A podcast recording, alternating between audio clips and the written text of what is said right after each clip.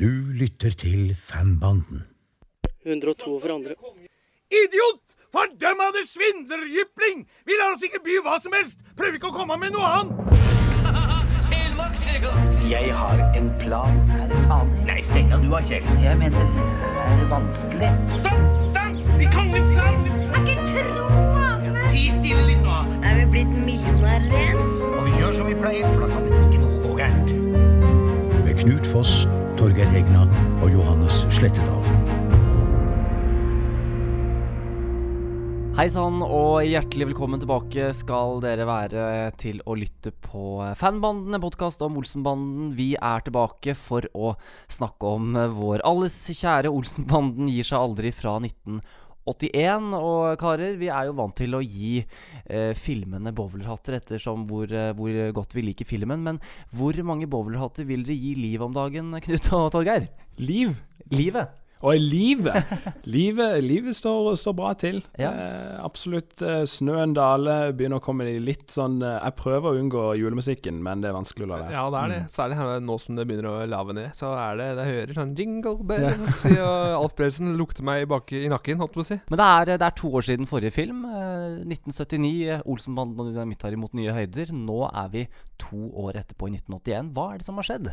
Ja, for før vi begynner på resymé og alt sånt, så burde vi kanskje snakke litt om eh, det gapet som er mellom forrige film, 1979, og nå er vi i 1981. Forrige gang så snakka vi jo litt om at uh, virker som at Teamfilm er litt lei av Olsenbanden.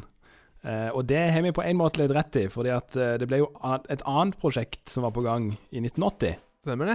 Det var eh, et prosjekt som het Inspektør Nordmann. Men dette var i hvert fall en, eh, en eh, film som var skrevet opp mot eh, Karsten Byring. Ja, det var han som skulle inntre rollen som eh, inspektør Nordmann i 'Inspektør Nordmann tar saken'. Det står ikke så veldig mye om dette, her, men det som var, det var at vi fant et avisoppslag fra september 1980, der Teamfilm forteller at de skal gå bort fra Olsenbanden, og nå kommer med en ny serie. Oversatte Andreas Diesen og Per Anonsen tror jeg òg var med på å oversette det. Ja, Disse var jo også oversettere på Olsenbanden, vil jeg merke. Ifølge artikkelen virka det som at det var veldig på gang, men så kan det jo òg være at dette òg var et sånt siste skrik, når de da skulle eh, prøve å få litt støtte til denne filmen. Ja. Um, men eh, de fikk ikke noe støtte til det, og så gikk de i dass. Og da ligger vi jo uh, ute på senhøsten 1980, og de har ikke fått inn Olsenmann-penger. Nei. Og da da, bestem- ja, så da bestemte de seg for å lage en til Olsenbanden. Ja, og det, det bærer vel filmen litt preg av, det kan vi jo nevne etter hvert, men, men ja, helt kommer, kort. ja, vi kommer inn på det etter hvert, men altså, jeg syns jo eh, man ser at her er de hatt dårlig tid. Eh, særlig i manuset, men det kan vi komme tilbake til. Men det ble en Olsenbanden-film eh, nummer 11 i hvert fall, og den kom i 1981. Og for de som ikke vet hva som skjer i filmen, eh, Torgeir, hva er sentralt å vite om film nummer 11? 70-åra er historie, og Olsenbanden stiger inn i de gryende 80-tall og jappetid. Nei, det en og jeg må gjøre nå, det er å få orden på økonomien vår. Så da gjør vi bare sånn som alle andre folk gjør. Låne litt her og låne litt der, og på den måten så blir vi akseptable. Bravo, Valborg! Egon har skjønt at kontanter er avleggs, og aksjer er nøkkelen til rikdom. Vi må skaffe oss kontrollen over et firma. Firma? Ja, et aksjeselskap. Men det er lettere enn du tror. Det er bare å få aksjemajoriteten, og så kontrollerer vi selskapet. Og hvilke aksjer dreier det seg om? Sten og strøm. Sten og strøm? Å, sten og strøm. Kuppet starter i god stil. Helmaks Segan! Å, hva sier du? Ja, det var ikke så dårlig. To minutter og 43 sekunder. Og så alt det vann og alle de brannbilene. Men så blir det rift om de viktige papirene. Men hvor ble det av? Han tok jo med seg alle papirene våre. Rolig nå. Og hva venter denne Egon Olsen seg at vi skal gjøre til gjengjeld? Han vil at vi skal danne noen selskaper. Tåkeselskaper går jeg ut ifra. Med hjelp av trøkker, hester og stridsvogner kjemper banden om å få tilbake aksjemajoriteten. Vi stanser den, får tak i de hemmelige papirene, og så er det vi som har overtaket. Ja, det har vi da. Det bærer til slutt til England og inn i Tower of London. Ta det med ro, Benny. Take it easy. I have a plane. Hva for noe? Jeg har en plan.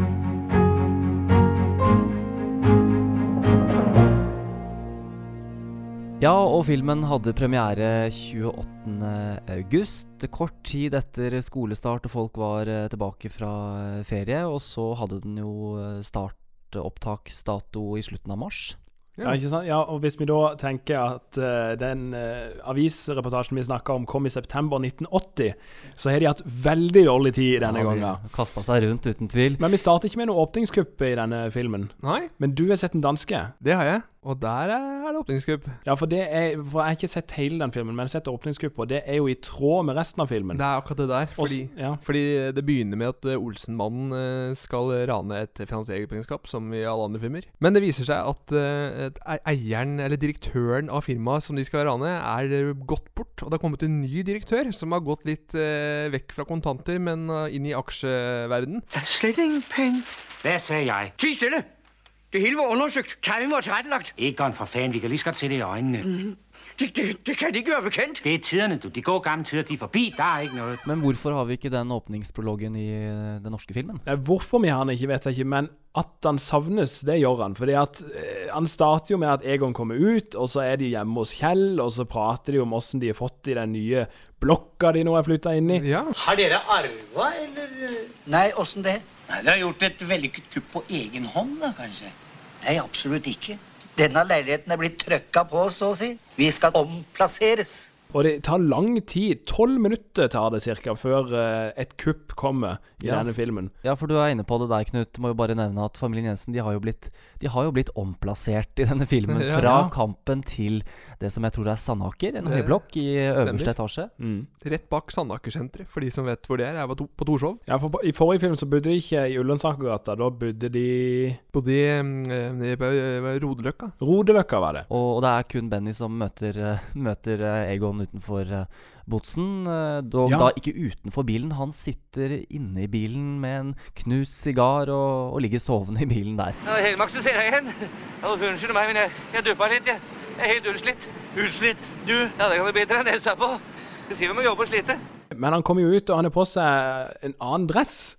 Han får seg en ny dress, Egon Olsen. Ja, Egon, ja. ja. Tydeligere, tykkere striper. Ja, litt mer cartoony, og litt flottere. Altså, jeg satt litt og tenkte, fordi at eh, den forrige dressen han hadde, var jo, syns jeg, veldig stil med karakteren, med at den var litt sånn gammel og grå og rusten dress, på en Ja. måte. Eh, mens nå er han veldig mye penere. Ja. Eh, men det passer jo litt med de ambisjonene Egon har i denne filmen òg. Absolutt. absolutt. Eh, men jeg fant òg et avisoppslag eh, rundt Egons dresser. Altså Han har jo bytta flere dresser gjennom serien, så jeg vet ikke hvilken eh, epoke dette her er ifra, hva gjelder dress. Han var 20 år, ja. Men det er i, i 1984 i VG så står det på Pst-sida en eh, historie som eh, ja, mangler liksom kilde, da. Men dette er en historie Oi, som, oi, som jeg vet ikke helt om det er, er for, tatt for god fisk. Og jeg siterer, for jeg, jeg vet ikke helt om jeg skulle brukt samme ordbruken sjøl. Men det står altså Egon gikk til skredder, men skredderen ble lurt av et sigøynerfølge som, had- som stakk av med hel som stakk av med hele hans kolleksjon. Igjen sto det da en stripet dress som Egon fikk på tilbud. Altså eh, Så, så, så den, denne dressen, eller en av de tidligere, kanskje den fra Tar Gull, for den er litt trang. Eh, Den var trang selv i Tar gull, den. den fikk, eh, den fikk uh, selskapet på tilbud, hvis denne historien er sann, da. For det er uten kilde. Nei. Men de som lurer på hvor disse dressene er i dag, det må jo også nevnes at vi vet jo at den dressen som Arve bruker i denne filmen og i de resterende andre kommende Mm. filmene, den eksisterer i dag. Vi vet hvor den er. Mm. Det samme med dressen som Sverre Holm brukte, og dressen som Karsten brukte. Og kostymene til Aud Schønemann, de er jo litt sånn De Ja. følger jo moten, så Ja, der, altså, der har vi ikke klart å spore opp noen, noen, Ingen faktisk. fast, faktisk. Nei. Men legg dere merke til at når, når de kommer opp i høyblokken, så, så ser vi jo et tidlig tilfelle, vil jeg si, av metoo. Så du det, Kjell? Det er jo Benny som klasker Valborg hardt på rumpa. På ræva. I denne filmen også. Men, men når vi er inne på den, når vi er inne på den uh, Inne på location ja, ikke, Nei, ikke min pense vekk fra det et lite okay. øyeblikk her. Nei, men den leiligheten um, Jeg vil kommentere den litt, for den syns jeg ser veldig sett ut. Ja, det er altså sett, et, et, et, et atelier, det er jo det. Ja, da- Men det har de vært veldig flinke på tidligere med å lage et miljø der. Det er klart, det er jo litt vanskelig å, å, å dekorere et nytt hjem. Altså et helt, eh, et helt strigla rom. Eh, men jeg, jeg Nå holder de på å flytte, da. Ja, det er det de gjør, men det, er det, at det ser altfor sett ut for min del. Ja. Som du ser, så har det skjedd visse forandringer mens du har sittet inne, Egon. Har muligens lagt merke til at vi har flyttet. Og i den anledning er vi nødt til å legge om livet vårt og se litt annerledes på allting. Og da må vi se å få alt i orden her, og da må ikke dere bare sitte der og henge. Det, det skal sies at eh, de er jo veldig De har bygget opp et tenkt hjem ut ifra hvilken tid de er i. For at det er et veldig sånn klassisk, tror jeg, Mm. HTH-kjøkken med sånne gardiner du kan dra for Ja. for å servere mat fra kjøkkenet til gjestene. Ja, ja. Sikkert veldig tidstypisk, men jeg er helt enig med deg. Det er ganske sterilt og tomt. Det, det er det. Og det er ikke bare det som er Jeg syns også jeg, jeg husker jeg så leste en artikkel eh, om eh, innspillingen av den filmen eh, akkurat når de spiller inn disse scenene. Og det er jo at eh, de har jobba sammen så lenge, og de begynner selv å bli ganske Altså, de kan karakterene sine så godt nå at eh, De får ikke noen utfordringer. Det er ikke noe utfordring, og derfor blir det liksom Det blir ikke noe Jeg savner den der gode gamle, sånn som i Mm. film nummer åtte, eksempel. da. Dette er som alle de gamle der, så ler de og Mm, koser seg. Mens her er det sånn monotont Ja. og tungt og trist, Ja, altså. det er- Ja, nå har vi det akkurat som i gamle dager, dere. Nesten. Hele den scenen handler jo om at de er flytta. Ja. Men det syns ikke jeg er noe interessant. Nei. Altså, Som vi snakka om tidligere, hva er det viktige som gjør at de Hva er grunnen til at de trenger penger her? Ja. Det er ikke noen grunn til at de trenger penger, foreløpig i hvert fall. Vi er ikke på dette tidspunktet i filmen. Men dette her det er en film som forteller hva som skal skje med Norge et par år senere. Det er jo interessant at de, de tar jo for seg jappetiden som startet sånn rundt 1983, men denne filmen er fra 1981. Her er jo Olsenbanden og Teamfilm forut for sin tid. Ja, De er veldig frampå. Ja. Eh, Altså, det handler ikke om den eh, kofferten med dollars eller eh, pund eller krone. Mm. Det er aksjepapiret. Ja, det handler om å investere penger istedenfor å Stjele. Vi skal ikke stjele penger.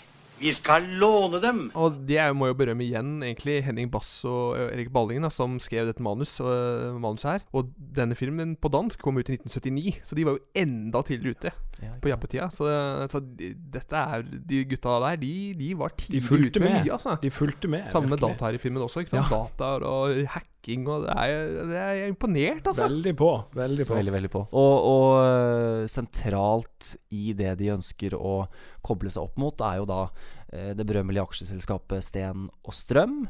Ja. Eh, og her har vi en tydelig link til det de kaller for Team Finans. Som Ja. må være en tydelig link til Team Film og Team Video, den biten der. Team Finans har kontorer i femte etasje i samme bygning som Forbrukerombudsmannen og er derfor meget strengt bevoktet pga. attentatfaren.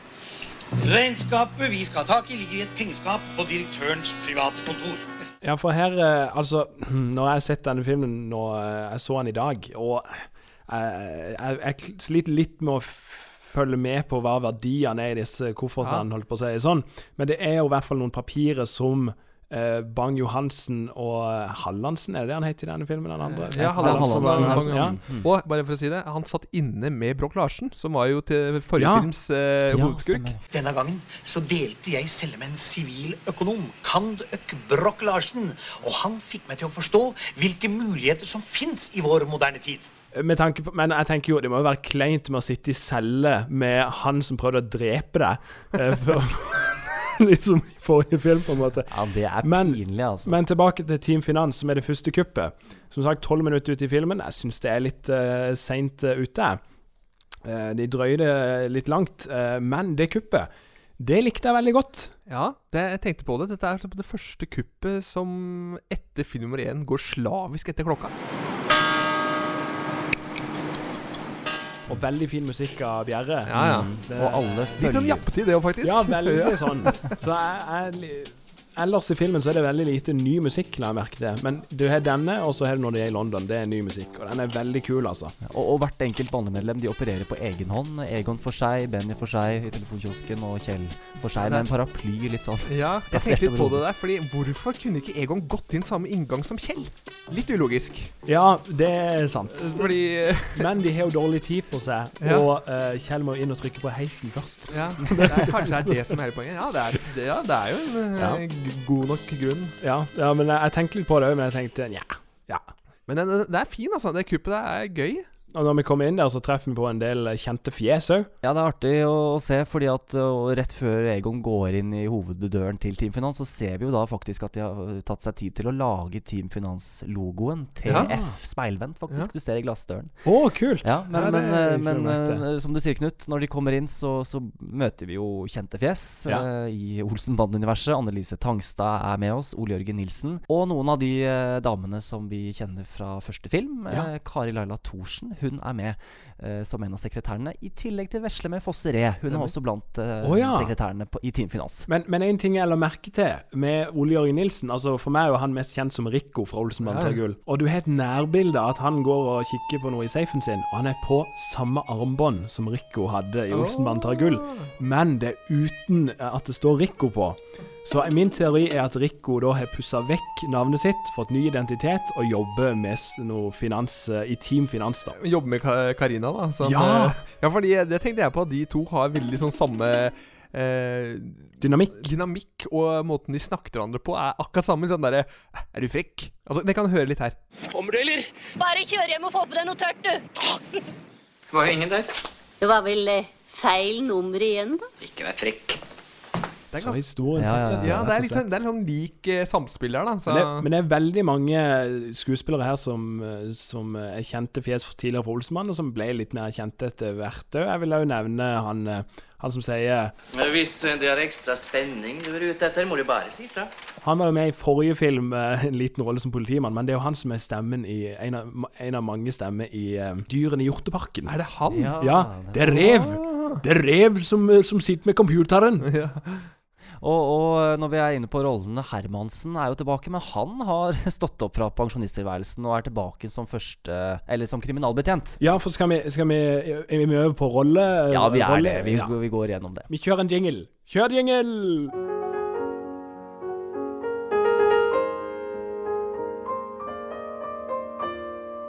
Ja, det er eh, som sagt, altså Hermansen han er tilbake. Stått opp eh, fra pensjonisttilværelsen og som millionær, og blitt eh, kriminalbetjent igjen. Og som vi var inne på før opptak, han samarbeider her med staten. Alt går, unge mann. For de forstår De, politikerne de er nødt til å ta hensyn til velgerne. Men det behøver ikke de store multinasjonale selskapene. De behøver bare å ta hensyn til realiteter. Nei, vår oppgave det er å trå til når vi får ordre om det. Og inntil så skjer, må vi bøye oss for kreftenes frie spill. Ja, det, det er jo det som eh, Ja, En ting er jo rart, det at han er tilbake og det ikke nevnes noe at han er egentlig millionær og bor i Canada. eh, Ifølge. Ja, jeg syns det er rart. Men i tillegg så har han jo Uh, han, han, han er jo som alt, alltid vært tro til staten, holdt jeg på å si sånn, men nå virker han jo nærmest som en sånn slu skurk, egentlig, som Ja. samarbeider med staten om å holde informasjon borte fra folket. Mm. Og, han- og han godter seg med det òg, rett og slett. Ja. Så jeg syns Hermansen her ikke er en eh, eh, en empatisk karakter, rett og slett. Hva skal disse bladlusene få noe å skrive om. Er det noe å si om Holm, kompanjongen til Hermansen? Man merker jo tydelig at uh, Holm uh, fraviker seg mer og mer Hermansen. Da, på at han eh, himler med øya og er sånn åh, så lei av å høre det gamle driten. Og neste film så har det jo gått et steg opp, da, for da har han jo overtatt jobben til Hermansen. Ja, ikke sant? Det tar å gå tilbake Jeg syns jo han er litt for lite å gjøre, på en måte. I Ja. form av at de, de spiller ikke noe på det. Enten at han er veldig imot det Hermansen gjør, eller han er bare gi noen sånne teite Ja, han, blikk. han er bare med i bakgrunnen der. Han gjør jo faktisk Ja. Han har ingen funksjon overhodet. Men eh, bakmennene her må vi også nevne. Vi har jo to helt nye ferske fjes i Olsemannen. Det er Ivar Nørve, som dukker opp eh, i noen flere filmer, iallfall. En til. Mm. Og også i Olsemann junior. Spilte jo Ja. Ja, ja, ja. annet bestefar til eh, Egon Olsen i Mestertyven Skatt, var det ikke det? Stemmer. Og så var han jo også en andre rolle. Han spilte til og med hoffmarskalk i en film, og har også spilte rektor i en Olsmann junior-film. Oh, ja. Har vært med i flere. ja, ja, ja. Ja, nå, nå håper jeg ikke de tar dette personlig, Olsen. Ja, Som menneske har jeg jo slett ikke noe imot dem. Tvert imot. Men slike hensyn kan man jo ikke ta. Han er jo eh, også britisk utdanna, faktisk. Eh, samme som eh, Sverre Wilberg. Ja. ja. Jeg syns jo han har en fantastisk karakter. Altså, Det var et av høydepunktene for meg i denne filmen. Eh, måten han eh, så motvillig liksom skal ta rotta på Egon, f.eks. Hvis vi hører her når han snakker i telefonen med Hallandsen. Tror, tror de virkelig det er Tror de virkelig at det er nødvendig? Jeg har ikke særlig lyst. Ja, Nå må de ta dem sammen, da, Hallangsen. Husk på hva som står på spill. Den mannen må bortelimineres. Han må forsvinne og bli borte for godt. Og sjefen hans, det er jo Per Lillo Stenberg. Eh, han spiller jo Bang Johansen. Og det er jo Faren til Lars Lillo Stenberg. Det er det. Ja. Eh, nei, nei, nei. Per, Nei, det, nei, nei, det, det, Lillos. Lillos. Det er Lillos. Eh, apropos det, så var jo faktisk eh, Per Lillo Stenberg eh, også låtskriver i Det Lillos. Og har blant annet skrevet smak av honning. Jeg kjenner han jo fra De dødes kjern. Absolutt. En av hans tidligere roller. Ja, Som Bjørn. Bjørn eh, Har du forresten sett den nye filmen? Ikke ennå. Da er det en av oss som har sett den. Vi hadde en avtale om å se den alle tre. Ja. Den ene Oi. turte ikke, den andre gikk og så den alene. Men du tør ikke å se sånn. Nei, det var nettopp det jeg sa. Men uh, Ove Werner Hansen, han er med oss uh, sterk. Uh, som alltid løfter jo Egon opp over skuldra. Ja, han er sterk der. Og det vil jeg bare nevne, det kan vi kanskje komme tilbake til, men veldig mye av hans scener i denne filmen er klippa og henta direkte fra den danske filmen. Ja, det det jeg lurte på kan, også, så Vi kan gå tilbake til det. Okay, ja, når vi kan vi gjøre.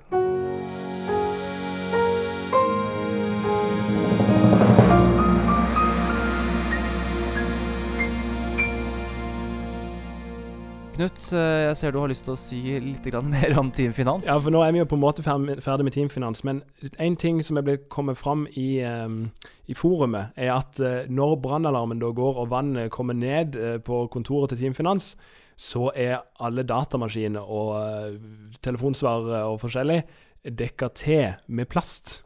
Hæ? Ja. Det har jeg aldri sett. Nei, men Nok du- en gang takk men det er til Jon Erik Bu. Ja, Ja, ja. tusen takk, Jon Erik Bu. Um, og, og en annen ting, eh, når de er på utsida da, og, og Benny kommer med bilen og de setter seg inn, så er det ikke Sverre Holm som Ja, kjører. det, det la jeg merke til også. Det var en litt yngre versjon av Sverre Holm. Altså. Ja, det var det. Men hadde det, hvis Sverre Holm hadde vært yngre, så hadde det gått. Ja, da jeg syns han ligna Ja, litt ja. på en yngre Sverre Holm. Gutter, eh, har dere noe forhold til Totenåsen napoleonsfyllkakefabrikk? Nei, i grunnen ikke. men, men hvor er det det, det ordet utspiller seg? Det er jo når Bang-Johansen og Hallandsen ikke kan eh, holde det de lova, med å gi Egon da sten og strøm. Um, uh, så da kommer vi jo over nokså kjapt over på neste kupp, egentlig. De kommer jo fra, etter dette kuppet ved, ved Team Finans, så kommer de for å levere disse papirene eh, som de har stjålet, til eh, Hallandsen og Bang-Johansen. Kom igjen, da. Bare si oss hva vi skal gjøre for noe. Ja, vi skal kjøre ned til aksjemegleren vår. Ah, så tar vi rotta på han også, ikke sant? Nei, vi skal ordne opp i vår fremtidige økonomi. Ja, det var det Valborg sa, var det ikke det? Uh, og de er jo veldig interessert i, i disse papirene selv. Mm. Og derfor utnytter jo Egon på det, til det fulle. Bare, bare skyte inn der at Her virker det som at Egon har, eh, har lært fra film nummer ti. Nettopp at han tar med seg Kjell og Benny. Motvillig, riktignok. Ja, motvillig riktignok, men at han ta, lar de bli med, det er Ja, jo det, verdt å merke seg. Det er verdt å merke seg. Men og de koser seg med sigarer, alle sammen. Men Egon, syns du ikke at vi Ikke bedre at vi blir med? Ikke tale om dette er et meglerkontor. Jeg kan ikke ta med hvem som helst. Jeg vil, men, men hør nå her, det er jo akkurat nå de pleier å ta rotta på deg, Egon. Takk, det klarer seg. Vi er ikke akkurat noe hvem som helst heller. Nei, vi er jo kompanjonger, ikke sant? Det er mer demokratisk. Ålreit, kom igjen, da, så skal dere få se. Men det, det, det tenkte jeg på. Det går veldig, veldig fort fra de har vært på dette møtet, og innen de har kommet seg hjem til Valborg, så har avisene og hele Sted og Strøm har klart å Lag- lagt lagt ned. Alle vinduer er Fra- fylt med, med Fra børsen til, eh, til, til kamp Nei, ikke til uh, Torshov, så har det alt skjedd, altså. Det er litt sånn Oi, det gikk veldig fort, tenkte jeg på. Ja, men da var det kanskje dere det sto om i avisen, da? Oss? Ja, det sto noe om Sten og Strøm. Hvor var jeg har den avisen henne? Jo, her er den. Ja, ja. Og, og, men, men når vi er inne på det, altså da er jo Egon sint, og så ringer til eh, Bang-Johansen, og da kommer den napoleonsfyllekakefabrikk-gangen. Men gutter, ja, for, var det det du skulle ja, si? det er det jeg skulle komme inn på. Ja, hvem skal få det? Knut får, får ordet. Altså, eh, vi har jo kommet over noen eh, lydruller som er blitt digitalisert, som er da originale lydbånd fra innspillinga av Olsenbanden. Mhm. Noen scener fra tidligere episode, holdt på å si, tidligere filmer, som vi kanskje kan komme inn på i en spesial eller noe sånt, men i dag er vi på film nummer 11, og da er det en god del voicearbeid som vi har fått eh, lydruller fra. Deriblant når Egon da skjeller ut Bang-Johansen over telefon, som vi bare hører sånn i filmen. Men vi har andre glimrende aksjer. Ja, hva sier de f.eks. til Totenåsen Napoleons fyllkakefabrikk? Ikke det, nei. men som hadde litt alternative tagninger. Idiot! Hva, hva er det du tillater deg? Totenåsens kake... Dette er ikke avtalen. Avtalen var helt annerledes. 102 for andre. Idiot! Fordømmede svindlerjypling! Vi lar oss ikke by hva som helst. Prøv ikke å komme med noe annet. Får jeg snakke med Bang-Johansen? Jeg skjønte ikke hva, hvor dette her var fra. Det tok meg lang tid før jeg så filmen. Og så bare Å ja, det er jo derfra, ja! Ja, ikke sant? Det For er det- telefonsamtalen! For det eneste du hører, er det siste han sier med 'for å snakke med Bang-Johansen'. Ja, ja, Men alt før det er jo bare sånn hui, hui, hui, pitcha opp. Men, men med mindre det er et poeng at man skal høre hva den man snakker med i telefonen sier, hvor vanlig er det at sånne ting blir gjort, for de som måtte lure på det? I film som i eh, Siste bedrifter, f.eks., når eh, Rockefeller og Holm Hansen snakker med sin kontakt, så er det jo faktisk Du hører så vidt en stemme, og den stemmen som snakker da med eh, Rockefeller, det er Knut Andersen, faktisk. Ja, vi har også fra film nummer fire han Bokk når Hermansen teller ned et sånn til de skal eh, angripe eh, området som Ja. Hallandsen driver på dette islageret og sånne ting. Ja. Så det er, det, vi, har, vi har noe Veldig mye sånn voiceover, eh, men det er litt gøy også. Å høre hvordan de faktisk leste opp. Og Ja, ja, ja. Vi har noe til neste film også. så- Ja, dere skal glede dere til latteren Olsenbanden gjør etter kuppet i eh, film nummer tolv. Der har vi noe fornøyelig. Men ja, vi må videre i, i kuppet, Fordi nå er Egon og Benny og Kjell De har blitt eh, de, Hva skal man si? De har blitt eh, Lurt. Blitt lurt, rett og slett. Og de må få tak i penga. Og der syns jeg de er veldig snartenkte. Særlig Egon, da. Jeg har en plan. Helmaks, Egon! Bang-Johansen han er i Stortinget for å få underskrevet papirene i forbindelse med EMCA. Å ja, det derre multieuropeiske IMCA. Nettopp. Og de papirene er så fortrolige at det må ikke komme ut for offentligheten. Bang-Johansen han skal ha det med seg til London og reiser direkte fra Stortinget til Fornebu. Og vi må stoppe den på veien. Akkurat det. Ja. Vi stanser den, får tak i de hemmelige papirene, og så er det vi som har overtaket. Ja, det har vi da. Ja, men først så må vi ha tak i et annet kjøretøy istedenfor denne kjerra her. Noe mer oppløftende. Han er rett på at han er en plan, han. Ja, han, skal, han har en plan, og han har tenkt ut den ganske detaljert ganske fort. Nemlig å få tak i en trøkk. Ja. Og da bærer det til eh, Frydenlund sine lokaler i Homansbyen? Ja, Ja. som i dag er Oslo Høgskolen i Oslo, eller? Ja, Oslo eller er det Met? Oslo Met. Står og koker uh, Met. Jeg ser på Breaking Bad nå, så da- Ja, ja, ja. Ja. Nei, men Det er veldig interessant at uh, det her får vi jo skildret hvordan Frydenlund-fabrikken så ut. Et, Ja. eh, et hjerte av Oslo den gang, sikkert. Men det tenkte jeg på i sånn kontra forrige film, da. Så Ja. er vi jo veldig mye på location her. Kontra det, Altså, i forrige film var det mer studiobruk. Og de var inne på i arkivet, de var Ja, liksom stemmer. sånne ting. Mens nå er de liksom ute på gata igjen. Ja, jeg hadde kanskje ikke tid til å bygge noe Nei, men jeg liker det. Jeg elsker ja. når Olsenmann er der. Og, og det med trucken syns jeg er kjempegøy. Ja, det syns jeg var veldig fornøyelig. Og, og han som ene som kjører trucken her, det er jo Lasse Det er Lasse Tomter, Ja. og Ja. han, den stemmen som man får over høyttaleranlegget, det er jo lydmann Thomassen. Fossi ber til alle muppetene. Nå er det dansk øl her. Miss Piggy svarer Fossi. Sa du dansk øl? Fossi ber svarer Miss Piggy. Akkurat, det var det jeg sa. I alle dager. Åssen er det kommet hit? Jeg kan ikke forklare det. Det er skjedd et mirakel. Vi møtes bak pipa. Og så har vi jo ikke nok med det. Vi har jo også tydelig Toyota-reklame med denne trøkken som de faktisk låner. Både med trucken og den bilen som Hallandsen her, der står det til og med på baksida sånn der Toyota, den beste bilen som finnes i verden. Vi ringer, sånn du, Ja. du ringer, vi bringer. Det tenkte jeg også på, fordi alle de andre truckene på Frydenlund er røde. Ja. Og det er én gul, og den velger de, og det står. Toyota på. Ja, det er gøy. Jeg tenkte vi måtte egentlig høre med Tom Madsen. Det har vi ikke gjort. eh, Eller um, høre, for han har jo sikkert historien. Men hvordan de har fått til å heise opp den bilen. Er det med trøkken alene, eller? Det kan Det må godt- ha vært mye mer det- bedre ja, men det, ja, men det kan gå det hvis du er nok vekter på baksida, og, eh, ikke- og ikke kun de, de lille små gaflene som du har. du ser det er forlenga under. Du Ja, ser det, du ser det. etter hvert. Men eh, det introduseres noe for første gang i den scenen, og det er mobiltelefonen. Nei, men de svarte! Hva er dette for noen idioter? Ja, men gi meg telefonen. Men for å sitere vår egen bok, så står det jo faktisk det at det er jo første film eh, Første Olsemann-film der mobilen blir introdusert. Ja, men da er det sant, da. Ja. Fort deg litt nå, altså. Jeg får låne den dingsen din. Hvilken dings? Den dingsen din som du åpner alt med. Den, ja. Får ikke låne den, du. Uh, hvorfor ikke det? Nei, det er, det er bare meg som kan bruke den. Ja, Du tror du kan være på to steder på samme gangen, da? Nei. Å Ja, sånn, ja. ja ta den. Vær forsiktig med den, da. Egon har uh, altså fått lånt uh, denne spesialmetalldingsen til Benny og fått tak i papirene, og det bærer uh, rett tilbake til Hallandsens kontor. Og der går det jo ikke som Egon hadde tenkt, for der dukker Biffen og Ove Werner Hansen opp. Ja. Ja. Dæven. Se der, da! Det er Egon. Ja, nå er det jo ikke Egon som har overtaket lenger. Se, så den der er råtassen. Eh, og det skal sies at dette er den eneste scenen hvor uh, Ove Hansen faktisk spiller i det norske, egentlig. I denne jo, filmen, jo, han, han, han, bærer jo Egon. Det er sant. det er sant uh, Han er litt med på grustaket der. Men i hvert fall, Egon blir kidnappa uh, og kjørt til et grustak, hvor han skal uh, eksploderes, satt det på å si.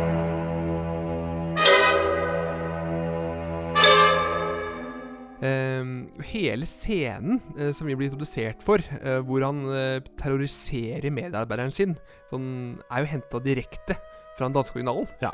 Og, og, denne filmen er jo spilt i 1979, så dette er jo to år siden den, de, disse klippene ble fil filma. Mm. Men jeg syns Team Film skal ha for å klare å kryssklippe dette her. Ja veldig godt. Jeg kjøper det. Det eneste jeg ser det på, er litt på bildekvaliteten, faktisk. Ja. Eh, på at de har jo henta en kopi av negative. Men si meg, hvordan er det de har løst det der, eh, der Biffen uh, bruker foten til å dra ned den pedalen for å leke seg litt før, uh, før uh, Egon ankommer? Jeg tror de bare er det kryssklippa, eller? Ja, jeg tror de bare bygde plattformer, og kanskje en liten gul vegg bak ja. bandet, liksom sånn til nærbildene. Ja, men bare for å avklare, da. Hvor mange scener er det Ove Werner Hansen faktisk har vært i Norge og filmet? Det er, det er kun den uten utenfor eh, kontoret til Allansen, og så er det oppå den haugen hvor han ja. løfter arvet. Og det, det, ser tungt ut, vel å merke. Ja. for jeg har sett det, en danske, og det ser litt lettere ut med Ove, eh, Ove Sprøgge. For han er litt lettere, men uh, det, Ja, det er også at han kjører tilbake, på en måte. Også, det, det, er det fineste bildet, syns jeg, i filmen. Når, når bilen kjører Ja, men altså Når, når, når, eh, når Biffen setter seg i bilen og kjører tilbake mot, uh, mot uh, den plattforma, og du panorerer over på dynamittlutløseren. og kjære lyttere, det sier litt når Knut synes altså det er det fineste bildet i filmen. Men det skal vi komme tilbake til. Er det noe mer å nevne om, eh, om denne scenen her? Ja, ja, jeg tenker den der scenen som er henta direkte ut fra den danske, det er like litt sånn det, de, Sånne type scener er med i alle de danske. Men det er nesten aldri tatt med i de norske tidligere. Hvor du, alle de sånne bitte små karakterer har sin lille, lille, reise. Ja. Og dette har de plutselig tatt med nå, men det var danskene mye mer flinke til. Mm. Og Det ser du igjen i flere av de filmene. Og jeg syns det er litt sånn show. Men det, det, bryter jo litt nå, da. Men det, det er fint for å sprite opp handlinga, for den er jo utgangspunktet litt kjedelig. Og ja. han er jo kjempetakknemlig for at uh, Benny og Benny uh, sprenger biffen i lufta og løper opp med høl i ræva og springer over vannet. Du nevnte reise, Torgeir, og, og, da er vi inne på dit vi beveger oss nå videre. For vi beveger oss altså til Saga Solreiser, som skal ta banden til London. Og hva er det som skjer inne på kontoret, Knut? Ja, altså Det er jo Kjell som egentlig ser ut som Valborg, du, men fremfor alt så er det jo en produktplassering for Saga Solreiser som går igjen i London. For det er til London vi skal nå. Det er kvarters reklamefilm, faktisk, midt inne i filmen. Ja, det er det. Og ja, jeg har skrevet litt mer når vi, kommer, når vi, kommer, dit. Men før vi gjør det, så kan vi snakke litt om EMCA. For, ja, for hva, blitt, hva, er det egentlig? For det, det har blitt introdusert i denne filmen på dette tidspunktet. Eh, Hermansen forklarer det slik. Den europeiske multikontinentale assosiasjon, EMCA, vil ta over hele det europeiske næringsliv. Hm. Harmonisering kaller de det. OK, så dette er bakmennene, mm -hmm. som vi aldri ser i filmen. Det kan fungere. Det fungerte På sporet mm. med, med multiscan. Mm. Men OK, dette syns ikke jeg fungerer. For du har ingen bad guys i denne filmen, med unntak av Biffen på det tidspunktet uh, tidligere her. Han er nærmest ikke en bad guy lenger. Han har blitt så folkekjær ja. i løpet av filmen. han er henchman, han. ja, han er jo det. Du har ikke en ordentlig bad guy her, og det savner jeg uh, her. Fordi at jeg syns det blir litt for rotete med Hva skal de oppnå med, med å få denne kofferten?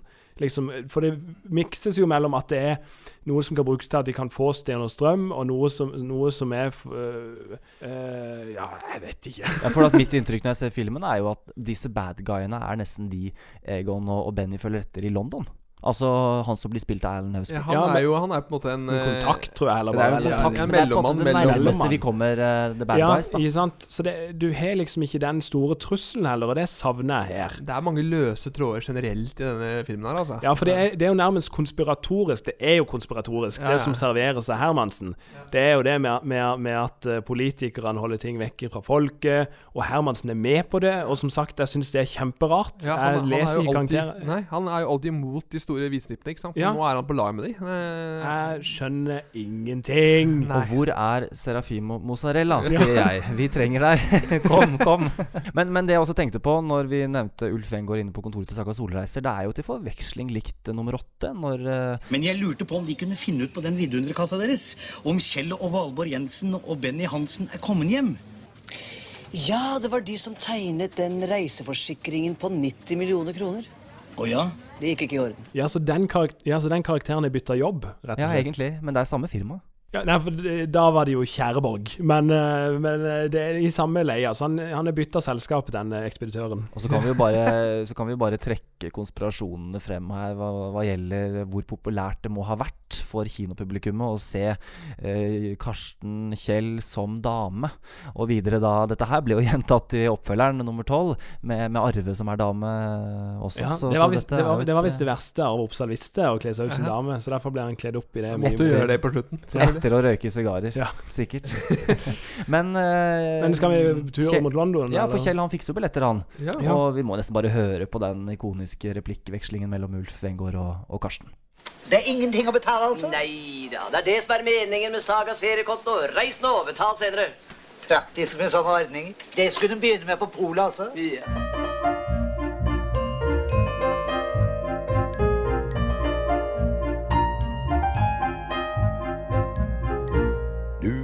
til Fanbanden. Men ja, det bærer mot eh, London, og før vi, før vi går inn på hva som skjer i, i London, så vil jeg bare nevne kort at eh, det er jo en eh, mann som har stått for utformingen av de meget pene plakatene til Olsenbanden, nemlig Tore Stang.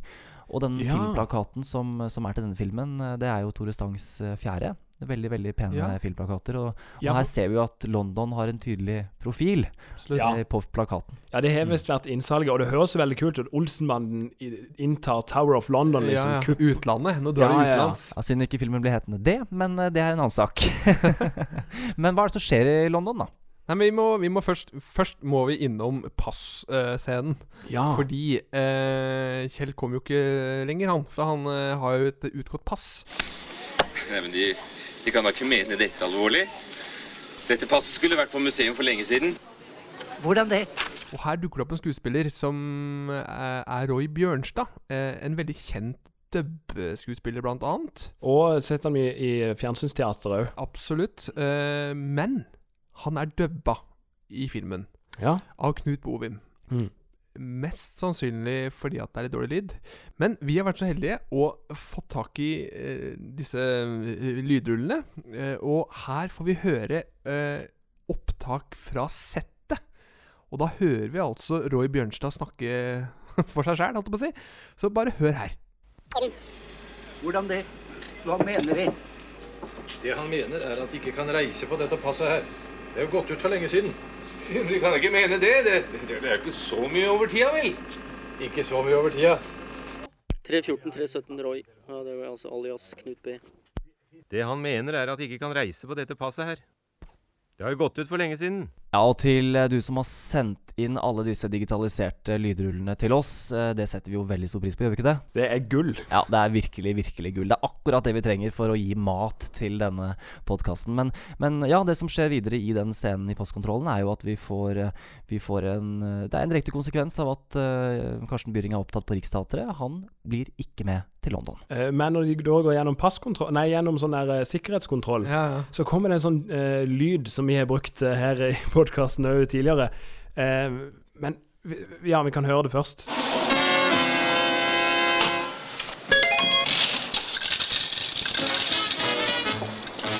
Dette er jo en callback til et eller annet gameshow som jeg har sett på NRK-arkivet en eller annen gang, men jeg klarer ikke å finne det igjen. Nei, det er sant. Jeg husker ikke helt nøyaktig hvor det er fra. Jeg har på følelsen at det er Harald Tusberg som er, står bak dette Ja, det her. lukter men, Tusberg.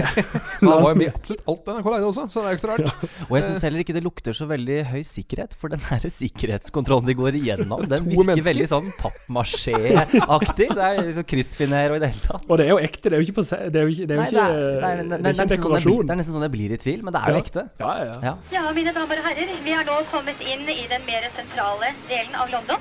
Og denne plassen som dere ser ut til høyre, det er Trafalgar Square. Her er det også at det norske juletreet blir satt opp hvert år i desember måned. Så, men de, de, Egon og Benny drar jo på egen hånd til London, da. Og eh, Ja. havner på en, eh, på en buss. og den bussturen der, den er litt sånn Åh. Det er faktisk over grensa på hva som er lov med produktplassering i en, i en fiksjonsfilm, altså. Hvis jeg skal være snill her, så tenker jeg at her har de nok tenkt litt som man gjorde med, på 50- og 60-tallet med sånne reisefilmer. Eh, som var der det ikke var så Ja, men der det ikke var så mye plott, men det var mye Du fikk se verden. Det var den eneste måten du kunne se husmorfilmen. nei, nei, men altså du kunne se verden i widescreen og farge, liksom. Du hadde f.eks. Windjammer, Ja, ja. Som, er, som er en veldig kul uh, film. eh, Veldig langdratt. Jeg bare spolt gjennom den. Men det var en sånn der Uber eh, widescreen. Ja. Som, da var en, som da var med Harald Tusberg, blant annet. Selvfølgelig. Og det er der det, det, Hvis jeg skal være snill, så må det være det de tenker. For at det er så lite som skjer i London. Altså, det, det er det kuppet i, i Tower of London. det. Utenom det så er det bare at Olsenbanden går, Olsenbanden lusker, Ja. Ol Olsenbanden handler Olsenbanden- Utrolig altså- langdryg eh, scener der, altså. Ja, for her tror jeg de har fått med seg Bent Fabricius Bjerre til å lage en egen medley. Og det skal de ha ros for, for den musikken her er faktisk ganske kul. Vi kan høre litt på den.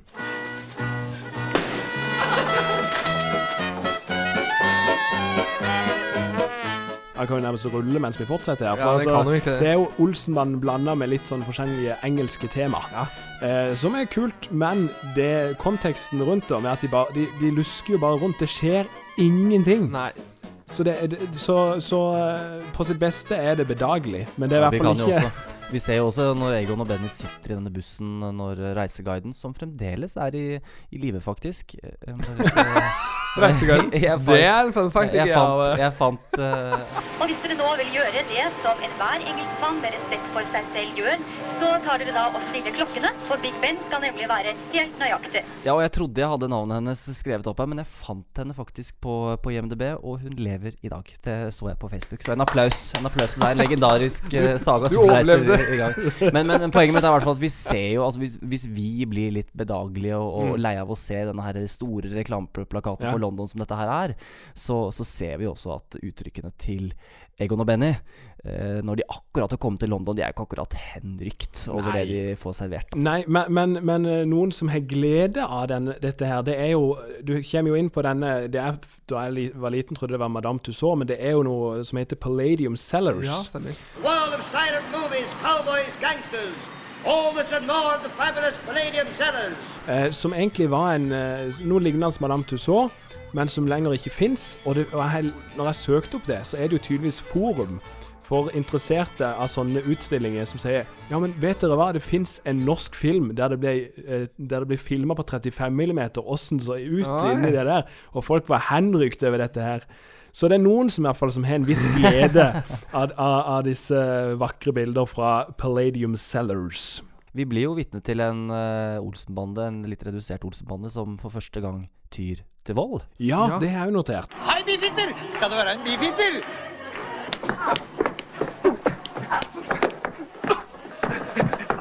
De blir slått ned, i hvert fall. Og, Ja, og og Egon og Benny får kostymene. De er jo autentiske. Som dere som har kjøpt boken, kan lese der. Dette her var kostymer som ble, som ble leid inn eh, fra London eller Hollywood. Det var en aktør som leide ut eh, kostymer Ja. fra disse to eh, hovedsetene av film. Stemmer det, for de kunne jo ikke spille inn alltid Tower of London. For da penser vi jo over på at dette er jo òg kryssklipping, ikke mellom dansk film, men òg at det ble tatt opp da på Akershus. Ja. Nok- Beefeateren som stiller opp da, det er jo Knut Bovim og en til. Jeg vet ikke Øy, hvem. Øyvind Frøyland heter han faktisk. Han var lydassistent og også med til, til London, faktisk. Ah, ok. Ja, for, eh, for det er jo da på Akershus festning, og en liten artig ting der. Altså det, det, det Der som de går inn, den døra og som de dirker opp og kommer seg inn, altså, Ja. det er fra Akershus festning. Og den samme døra ble brukt i Olsenband Junior og Mestertyvens skatt. Nei, sier Ja, det? Ja. filmer jo der, ja, stemmer. Men grunnen til at de gjorde det i, i denne filmen, er jo fordi at det, Tour of London er jo eh, liksom big shit, da. Ja, og det det- kosta masse hvis de skulle helt tatt få lov å komme inn der, og derfor bruker de Akershus festning. Men her kommer eh, det jeg syns er det kuleste i hele filmen, og det Mm. er denne Lego-bilen. Ja. Som er eh, faktisk eh, Det er den samme som ble brukt i Danmark, men det er ikke det danske klippet. Det er bygd og gjort på nytt. Ja, for jeg I- lurte på om det er eh, Sverre Holm eller den danske Benny sin hånd som stikker ned. Det virker som det er den danske dans- Benny sin jakke, men det var, det, der, der tar jeg feil. Ja, det, men det, er sikkert, det, er, det er nok ikke Sverre Holm, men det, det, men det er norsk, et norsk opptak. Det er det. Ja. Fordi det er et helt annet interiør på den danske. Ja. Og det vil jeg si, apropos det med åpningskuppet i den danske filmen, så er det der den legobilen brukes. Ja, altså I den danske så begynner de med det kuleste. Ja. Ja, nå Der kommer ganske mye andre kule kupp i den Ikke filmen. sant, også, så det sier litt. Ja, Her, så- her, det var jo tydelig at dette her er resultatet av at det er dansker som har laget uh, manuset. Ja. For de har jo hatt uh, god dialog med han som jo designet denne, denne Hva kaller vi det egentlig? Det er jo en ro robot. En En Lego-robot. Lego-robot. For det var Lego-designer Uffe Madsen som laget denne på bestilling fra Balling og Bass. Mm. Som det også står i boken. Og Lego er jo urdansk. Ja, ja, ja. Så er det noe verden vet om, så er det Lego. Og det er jo Og elsker nordmenn òg, altså. ja. Det er jo, jeg elsker jo Lego. Ja, Lego, Og ja. elsket av fanbanden. Helmaks Egon, de kommer seg inn, og så finner de jo kofferten uh, inni dette gitteret da med masse kasser som Ja, de kjenner igjen fra. ja, for den kofferten er stabla opp på kasser som det står kunst slash art. Yes. Og de kassene har vi sett før. I nummer åtte? Yes, i, i Frans Jæger-vogna. Så, så da disse gullbarene ble sendt til lampefabrikken, så ble det da kjøpt opp eh, videre til, ta- å ligge i Tower of London. Det er rart ikke Kjell knuste de, egentlig. Han hoppa på den der lille trøkken i nummer Ja, og jeg syns det er enda rarere at de ikke bare tar med seg de gullbarene istedenfor å, å kødde med de papirene. Det er, Ja, det er tungt, dette vet du. ja. Gull er tungt. Ja, det er Det er ikke sikkert det er gull nå. Kanskje det er, kanskje det er eh, Altså For alt vi vet, så er det de, de, de engelske kronjuvelene.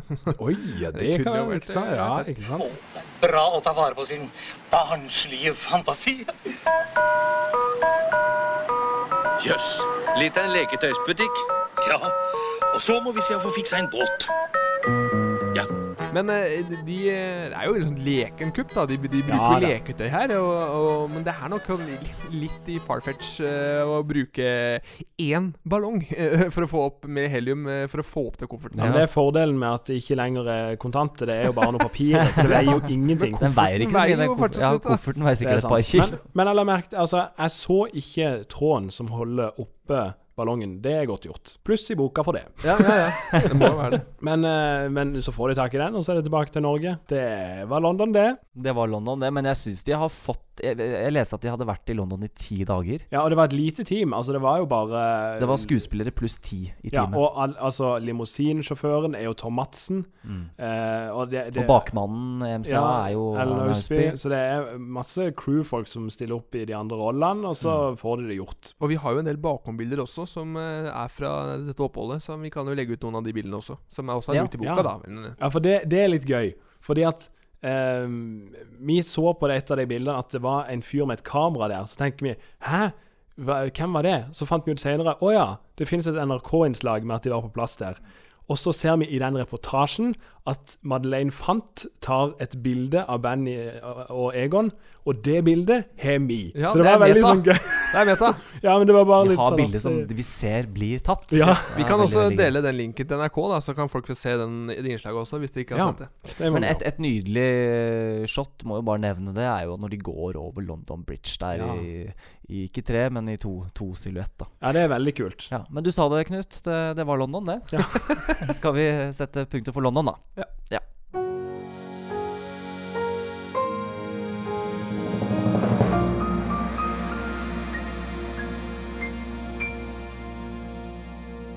Ja, og hold med en ting til. Ja. Statsråden lurte på om vi kunne få tak i en finansrev i den anledning. Ja, Egon og Benny er jo tilbake i Norge, og så må vi bare s- fastslå det at Hermansen har jo tidlig i denne filmen sagt at han er ute etter å få tak i en finansrev. Ja. Det er på en måte hans eh, For å være på finne en slags uh, Syndebukk. Syndebukk, ja. Som selvfølgelig blir Egon etter hvert.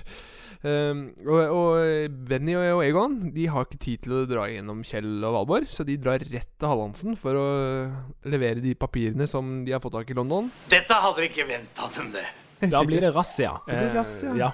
Og, og da får jo Hermansen tak i eh, kofferten, og da er den på avveie igjen. Ja. Det som er litt artig her, er at det er jo et shot av Arve som sitter inne på do. Eh, eh, og lytte til hva Hermansen sier og sånn. Pressen kan være her hvert øyeblikk. De får ta dem av dem. Jeg må ned på stasjonen. Hva skal jeg fortelle pressen? Ja, Så lite som overhodet mulig. Det er altså veldig rart at politiet ikke sjekker den døra. Ja, det syns jeg òg. Jeg, jeg syns det er Selv om det står uløst. opptatt eller rødt, Ja, det, eh, det, merke der, ja, det det er det enda merkelig. Ja. Men, men det, Godt politiarbeid. Ja, men av de lydrullene vi fikk, da, så var det jo òg et opptak av at Arve da ble overraska under dette opptaket av en haug av skuespillerkolleger som da kom inn og, og sang gratulasjoner, fordi at han nå var blitt 60 år. Han feirer altså, altså I 1979 feira han eh, 58-årsdagen sin på taket på SAS-hotellet, og denne gangen så fylte han 60 når han satt på dass. Ja, Der kan du faktisk bruke ordet i ordtaket. Jeg ble tatt med buksa ned. Ja. I 1979, siste gang vi jobbet sammen, da satt vi i vaskegondolen utenfor SAS-hotellet i 22. etasje. Så vi er veldig spent på hva som nå skal skje i de neste ti år. Mellom 60 og 70. Det kan vi bare gjette oss til. Men en, annen, en ting vi vet, det er at video kommer til å ta mye av tiden. Så tenkte vi at du kunne sitte og kose deg med den første Olsenbanden på videokassett.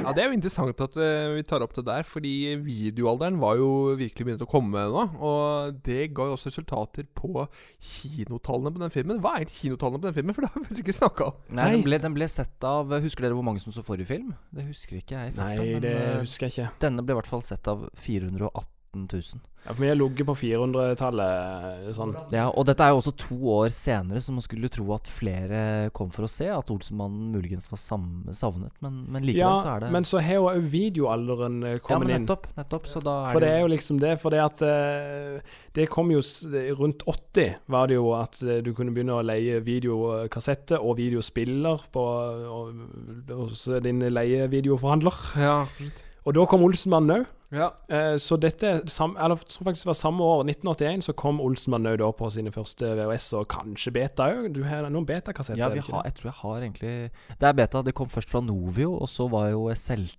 disse gule Big Box kasta seg jo på. Stemmer. Egentlig alle produsentene ønsket jo å gi ut uh, Olsenbanen etter hvert, for de så jo at dette her var Det var en pengemaskin. Ja, men rettighetene florerte jo. Altså, Ja, ja. Jeg skjønner jo at det er litt kjipt for Knut Bovim og de, de medvirkende. At liksom, eh, de har mista mye av makta på eh, hvor mye de kan tjene på det, tror jeg. Ja.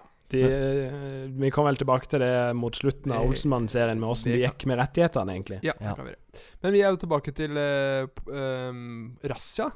Ja. Og eh, Egon klarer jo å komme seg unna, faktisk. Ja. Eh, Vi vet ikke nok. hvorfor.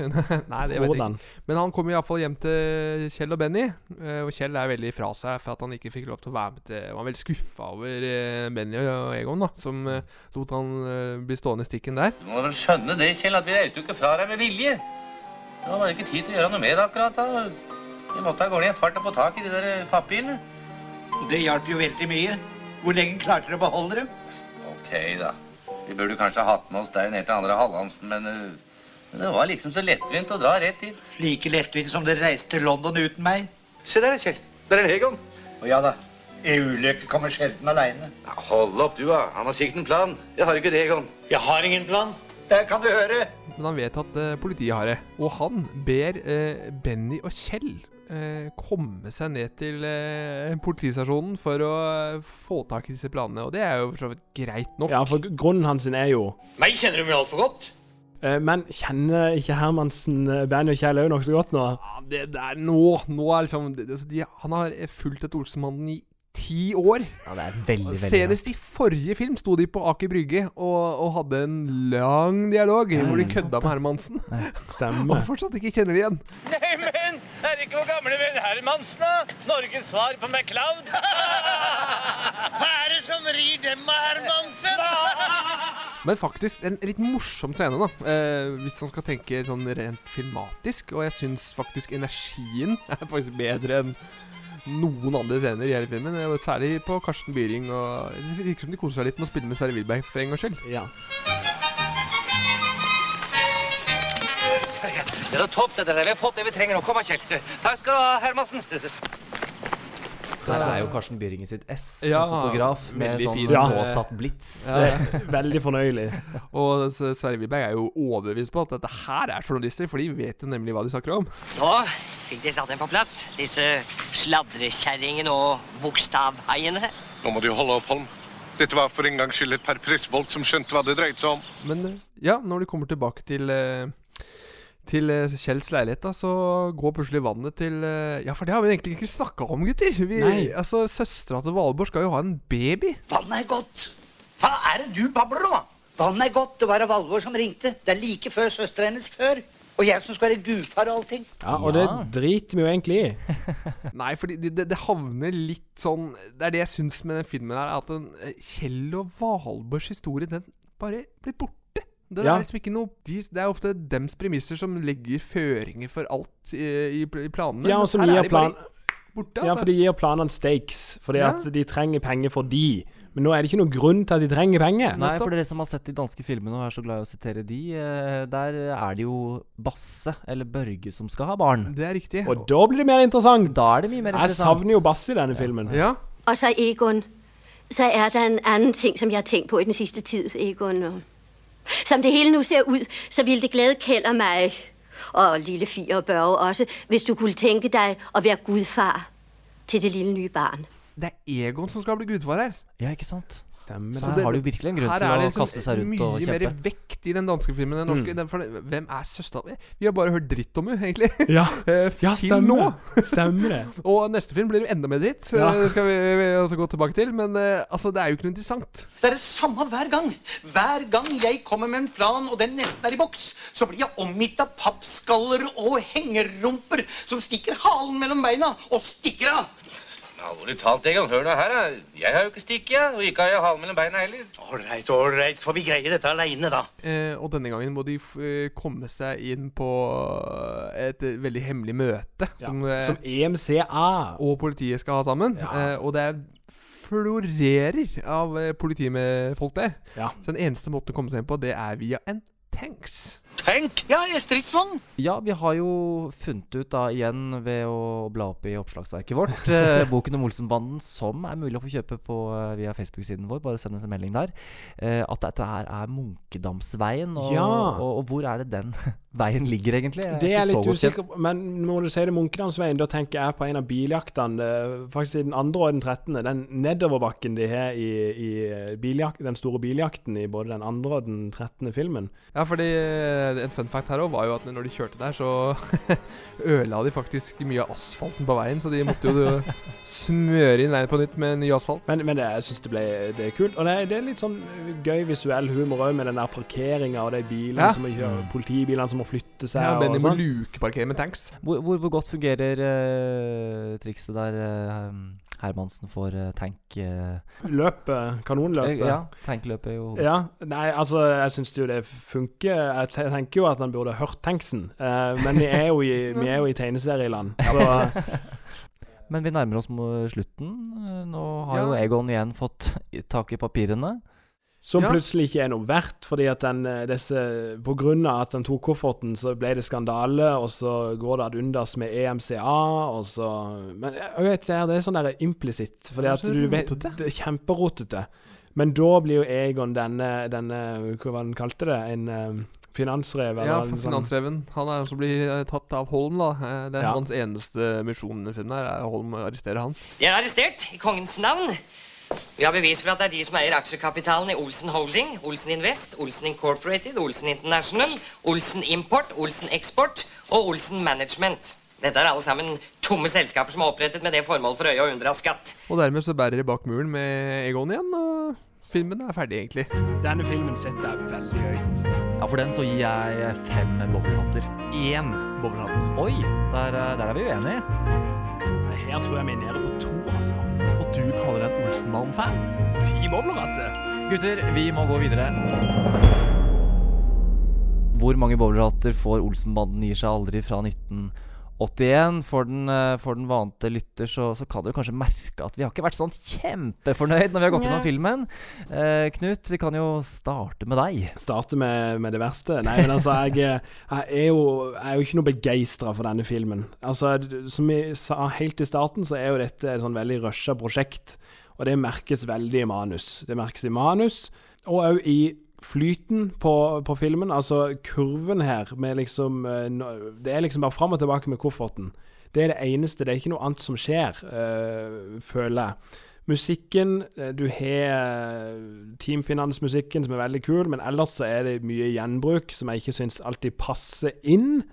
Uh, og, men det verste for meg, den, eller det som gjør at den trekker veldig ned, da, det er jo flyten her. For at de trekker så på bildene her, spesielt i London, med, sånn at det blir så dørgende kjedelig. Altså, det er, det er noen få scener som jeg syns enkeltstående er veldig artige. Biffen, eh, parkometervakten eh, og sånne småting. Men hele eh, det store bildet her, det mangler. Det er masse som mangler her eh, for, for å få en god historie, syns jeg. Ja, eh, jeg føler s- veldig at den filmen her på en måte mange måter er en type spin-off ja, av de andre filmene. Der Egon og Benny har sin egen film, og Kjell og Valborg bare er borte. Eh, jakten på kofferten minner litt om jakten på Kausoppsatsen i første film. Altså De hele tida higer etter å prøve å få tak i, men de klarer det, de når det aldri, på en måte. Ja, men det var godt sagt det med at det er som keiseroppsatsen, bare minus energi og tempo. Eh, absolutt. Eh, og det er jo det som driver den første filmen. Og jeg savner Karsten Byring, for han er liksom så viktig i liksom trioen. Mm. Det er liksom aldri noen som holder tilbake. Så det er liksom Alltid bare gøy og Mm. Ja, og så er det ikke det heller, for det, da funker ikke de Altså Relasjonen til de to andre funker ikke Nei, når ikke Kjell. Er der, og Nei. ikke Valbo heller, for den saks skyld. Mm. Så det, det blir så flatt. Mm. Ja, jeg syns eh, helt enig med det du sier, Torgeir, at uh, det er synd at ikke Karsten er med til London, for da tror jeg vi hadde fått sett en helt annen dynamikk. Mm. Jeg tror også det hadde smitta på den dynamikken som er mellom skuespillerne også. Men det er som du også sa, Knut, det er eh, mye kontinuitetsbrudd, og det er et hastig prosjekt. Eh, jeg syns jo det er et høydepunkt at de er i London. Jeg syns jo det er eh, stort nok i seg selv. Og så har ikke jeg det film, filmatiske blikket på hvordan ting nødvendigvis er filmet, men, men jeg syns det kanskje er filmens høydepunkt, at de faktisk drar dit. Likevel så, så er filmen platt, den er kjedelig. Jeg syns mye av humoren er borte. Mm. Eh, det, det er dårlige vitser her. Eh, I det hele tatt er det vitser eh, å ta tak i. Det er nesten ikke det heller. Eh, jeg ga vel eh, to til eh, forrige film, 'Mot nye høyder', og så ga jeg fire til 'Amok'. Jeg legger, jeg legger denne filmen midt imellom. Jeg legger den på tre. Og det, det er totalslakt, tross i at de er i London. For det syns jeg er egentlig stilige scener, selv om selvfølgelig det er kryssklippa litt. Men den, den får en treer fra, fra meg. Skal jeg hoppe på? Én. Jeg gir én. Jeg syns det, jeg, jeg syns det var vanskelig å komme gjennom denne filmen.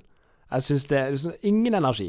Før jeg gikk inn og skulle se film på nytt, så hadde jeg liksom minnene mine fra barndommen at jeg, denne filmen her syns jeg var jo grei, liksom. Så den igjen. Jeg også syns den var veldig kjedelig, rett og slett. Fordi den mangler den gode, luende humoren. Det er Mm. liksom Så jeg gir den én, jeg også.